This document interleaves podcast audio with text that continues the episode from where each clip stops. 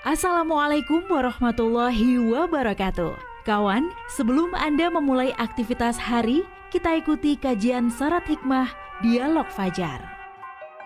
Assalamualaikum warahmatullahi wabarakatuh Kawan, pagi ini saya Adi Jufriansa akan menemani Anda di program Dialog Fajar. Dan sudah hadir bersama saya ada Ustadz Umar, pimpinan Ponpes Al-Quran Nurul Falah Surabaya. Assalamualaikum Ustadz. Waalaikumsalam warahmatullahi wabarakatuh Iya, harusnya kalau habis uh, Idul Fitri, habis Lebaran gitu ya, itu kembali fitrah.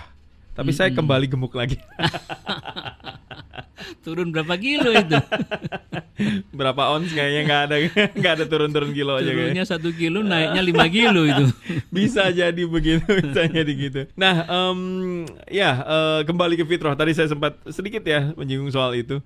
Kembali ke fitrah yang uh, bisa kita artikan biasanya kita artikan itu kembali pada sifat asal, kesucian, bakat dan pembawaan manusia yang berlaku universal dan dalam hadisnya baginda Nabi Muhammad SAW juga menegaskan kalau setiap manusia terlahir dalam keadaan fitrah. Nah, kita akan mendalami uh, tentang uh, konsep atau makna dari kalimat kembali ke fitrah ini di pagi hari ini bersama Ustadz Umar. Monggo Ustaz, silakan. Terima kasih. Assalamualaikum warahmatullahi wabarakatuh. Alhamdulillah, asyhadu an la ilaha illallah wa asyhadu anna Muhammadan abduhu wa rasuluh. Allahumma salli wa sallim ala habibika Sayyidina Muhammad wa ala alihi wa sahbihi ajma'in. Amma ba'du. Ya kawan, benar apa yang disampaikan Mas Adit tadi bahwa sekarang ini kita masih dalam suasana uh, sawal ya setelah puasa satu bulan penuh kita barangkali mesti harus kita selalu ingat mengingatkan di antara kita mm -hmm hmm. agar supaya kita dalam mengarungi hidup ini tidak salah, tidak keliru, tidak menyimpang dari tujuan apa kita diciptakan oleh Allah Subhanahu wa taala ini. Maka sekali lagi penting hmm. kita untuk selalu mengingatkan.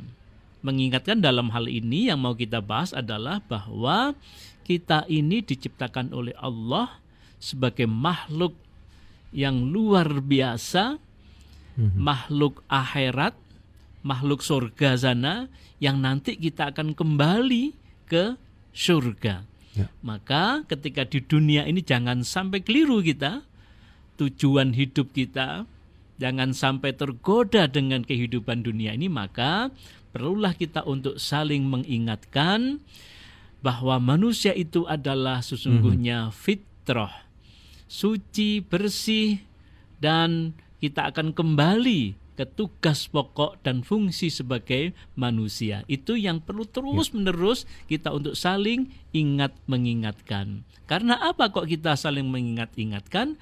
Karena ya manusia itu sifatnya sering lupa. Hmm. Walaupun sudah diingatkan, berkali-kali. Bahkan di acara dialog fajar kita ini program ini kan setiap Tiap pagi hari. gitu kan, iya. Tapi kadang kita sebagai manusia, jangankan yang menging apa yang diingatkan, yang mengingatkan pun kadang juga banyak lupa juga, Maka itulah luar biasa Al-Qur'an mengingatkan kepada kita agar kita memang selalu atau sering-sering melakukan mengingatkan antar kita sesama manusia ini.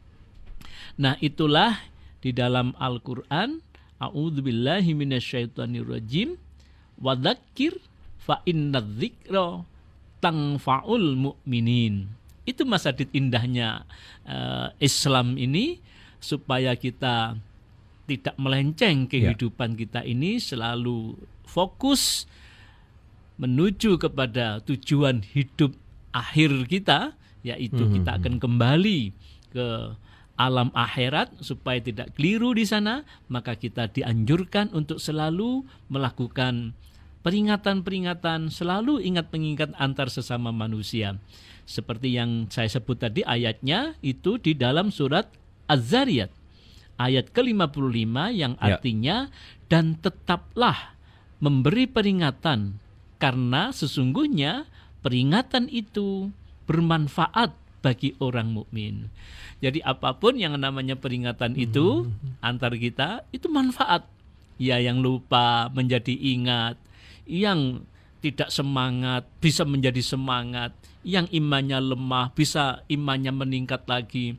Terlebih kita kemarin satu bulan penuh telah melaksanakan puasa Ramadan itu. Ya. Nah ini harus selalu kita ingatkan terus supaya jangan sampai hilang nilai-nilai Ramadan yang sangat indah kita lakukan itu. Nah memang sekali lagi manusia pada hakikatnya adalah penduduk surga. Dan dia kalau bagus di dalam kehidupan di dunia ini karena memang di dunia ini sebagai ujian, maka kita akan bisa kembali ke surga Allah Subhanahu wa taala. Tetapi sebaliknya, jika kita keliru di dalam menghadapi atau melaksanakan tugas-tugas di dunia ini, maka naudzubillah kembali ke akhirat tempatnya bukan di surga tetapi di kesengsaraan yaitu neraka. Naudzubillah. Maka itu untuk supaya kita selamat terus mengarungi hidup ini, kita perlu saling terus ingat mengingatkan. Seperti dalam Al-Qur'an disebutkan bahwa Allah menurunkan manusia di muka bumi ini ada tujuannya Mas Adit. Hmm. Jadi kawan bahwa jangan lupa bahwa kita dikirim di muka bumi ini oleh Allah ada tujuannya, ada maksudnya, yaitu agar A'udzubillahi minasyaitonirrajim wa ma khalaqtul jinna wal insa illa liya'budun.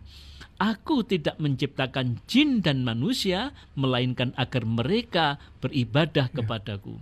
Nah, itu kawan, sesungguhnya tugas pokok kita ini tugas utama kita itu yaitu melaksanakan perintah Allah untuk beribadah kepadanya.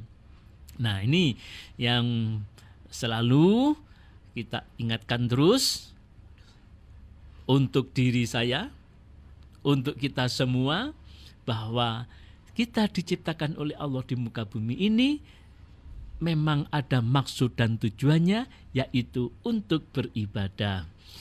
Makanya perbuatan yang baik itu maka Allah ibadah itu adalah semua perbuatan-perbuatan yang baik yang diniati untuk Allah Ya. itu bernilai ibadah.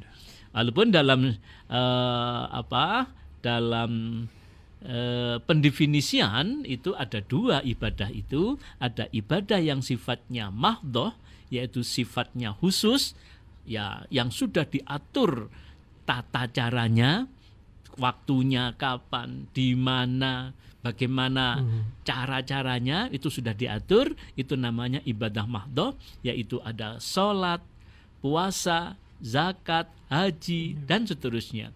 Itu adalah ibadah-ibadah yang secara lebih spesifik hati kita konsentrasi kita. Ketika melaksanakan ibadah itu kita langsung ingat kepada Allah Subhanahu wa taala. Jadi ibadah-ibadah yang sifatnya mahdoh. Lalu juga ada kawan ibadah yang sifatnya umum. Apa ibadah yang sifatnya umum? Ya semua perbuatan-perbuatan, perilaku-perilaku yang baik yang ditujukan untuk Allah itu termasuk ibadah secara umum. Artinya bernilai ibadah. Memang kadang-kadang ketika misalnya bekerja itu adalah hal yang baik. Tetapi kadang-kadang kita tidak seperti yang ibadah mahdoh tadi itu, Ya. husuknya tadi Mas Mas Adit. Iya. Kalau sholat kan kita langsung menghadap Allah gitu kan ya. Tapi kalau bekerja itu ya sering-sering kita walaupun melakukan sesuatu karena Allah tapi pandangan kita, konsentrasi kita ini sering lupa gitu kan. Nah, Nah, itu kalau kita lakukan dengan sebaik-baiknya, apalagi kalau kita bisa apa melaksanakan tugas-tugas kita, apakah mencari rezeki di dalam mencari rezeki dengan bekerja itu, kok kita terus selalu ingat Allah, wah itu luar biasa itu. Jadi, kawan, ada ibadah yang sifatnya umum yaitu apa saja perbuatan-perbuatan kita di dunia ini yang Ya. baik yang dikarenakan untuk Allah itu dibernilai ibadah. Nah, bentuknya macam-macam, ada sangat beragam sekali. Tinggal yang terpenting di sini adalah bagaimana kita menata hati kita. Hmm. Menata hati kita, kalau kita lakukan itu untuk Allah, maka semua bernilai ibadah. Sekali lagi, raganya banyak sekali. Misalnya tadi saya bilang untuk mencari rezeki, oh ini kan lapangannya banyak sekali ya. Mulai jadi petani jadi guru jadi pe- apa pegawai negeri pegawai swasta pabrik segala macam. Kalau itu diniati semata-mata karena Allah untuk mencari rezeki untuk bisa melakukan ibadah maka itu adalah bernilai ibadah. Nah kawan eh, Al-Quran juga menyebutkan A'udzubillahi minasyaitonirrajim wa ka'ayyim min dabatil lang di dalam surat Al-Ankabut A'udzubillahi minasyaitonirrajim wa ka'ayyim min dabatin la tahmilu rizqaha Allahu yarzuquha wa iyyakum wa huwas samiul alim dan berapa banyak makhluk bergerak yang bernyawa yang tidak dapat membawa atau mengurus rezekinya sendiri, Allah lah yang memberi rezeki kepadanya dan kepadamu dia maha mendengar, maha mengetahui. Ya, jadi kawan, mencari rezeki itu adalah ibadah. Dan bahkan Allah sampai menyontohkan berapa banyak makhluk-makhluk di muka bumi ini yang tidak bisa uh, seolah sepandangan kita nggak bisa bisa mencari rezeki, Mhm, tapi karena kekuasaan Allah dia bisa makan. Contohnya misalnya bagaimana cicak Mas Adit ya, cicak itu kan nempel, Mhm. sementara yang dimakan itu Nyamuk. nyamuk yang berterbangan. Secara akal gimana caranya? Tetapi itulah karena Allah Maha Kuasa, dia bisa apa? memenuhi kebutuhannya. Begitu juga yang lain. Maka manusia sesungguhnya kalau kita bisa diniati segala sesuatunya yang ibadah karena Allah, maka insya Allah itu akan bernilai yang sangat positif, yang itu akan menghantarkan kita kelak ke surganya. Kembali ke fitrah kita tadi itu. Nah, kawan, Allah menjamin siapa saja kalau sholatnya bagus, maka insya Allah rezekinya akan dijamin oleh Allah Subhanahu wa taala. Dalam Al-Qur'an disebutkan a'udzubillahi minasyaitonirrajim wa'mur ahlaka bis-sholati wastabir 'alaiha la nas'aluka rizqa nahnu narjukuk wal akibatu littaqwa. Dan perintahkanlah keluargamu melaksanakan sholat dan sabar dalam mengerjakannya. Kami tidak meminta rezeki kepadamu. Kamilah yang memberi rezeki kepadamu dan akibat yang baik di akhirat adalah bagi orang yang bertakwa. Itu dalam surat Toha 132. Nah, itulah kawan. Maka jangan ragu, mari kita segera kembali ke fitrah untuk melaksanakan ibadah, baik ibadah mahdoh dan ibadah am tadi. Nah, maka kita perbaiki ibadah-ibadah mahdoh kita, sholat kita, baik secara kualitas dan secara kuantitas. Kuantitas maksudnya kayak apa? Mungkin yang selama ini kita masih jarang sholat-sholat sunnah. Tambahi akan semakin dekat kepada Allah secara kuantitas. Mungkin selama ini sodako kita masih ya belum terlalu banyak. Kita tambah kuantitasnya secara kuantitas. Kalau secara kualitas bagaimana? Kalau secara kualitas mungkin sholat kita selama ini khusuknya ya ketika sholat itu ma- ma- mungkin masih satu menit atau berapa menit gitu ya. Maka kita tingkatkan lagi karena kita ingin menjadi hamba yang fitrah tadi itu, kita tingkatkan lagi dengan sholat yang lebih khusyuk, maka insya Allah itu akan menambah kualitas sholat kita dan insya Allah bagi siapa saja yang sholatnya bagus dan ini Al-Quran yang menjamin Allah akan menjamin rezekinya. Aku kata Allah yang memberi rezeki bukan kamu. Kawan, mudah-mudahan apa yang kita diskusikan pada pagi hari ini, mari kita kembali ke fitrah, berarti kita kembali dengan tugas-tugas kita. Tugas manusia adalah tidak lain untuk beribadah di muka bumi ini. Dengan begitu insya Allah kita tidak keliru sehingga kita bisa kembali ke, ke akhirat dengan kembali di tempat yang mulia yaitu surga Allah Subhanahu wa taala. Amin, ya Amin ya rabbal alamin. Baik kawan, kita akhiri perbincangan yang luar biasa ini di pagi hari ketika mengawali hari Anda. Dan ingat, tadi pesannya adalah yang harus digarisbawahi, kerjakan apa yang Anda kerjakan hari ini dengan niat beribadah hanya kepada Allah Subhanahu wa taala. Saya akhiri program Dialog Fajar pagi hari ini. Kita ketemu lagi di lain kesempatan. Wassalamualaikum warahmatullahi wabarakatuh.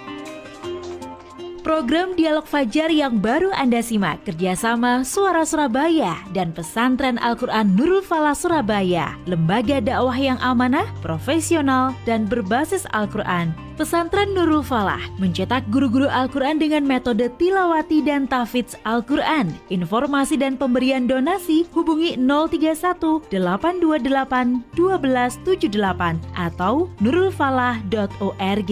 Wassalamualaikum warahmatullahi wabarakatuh.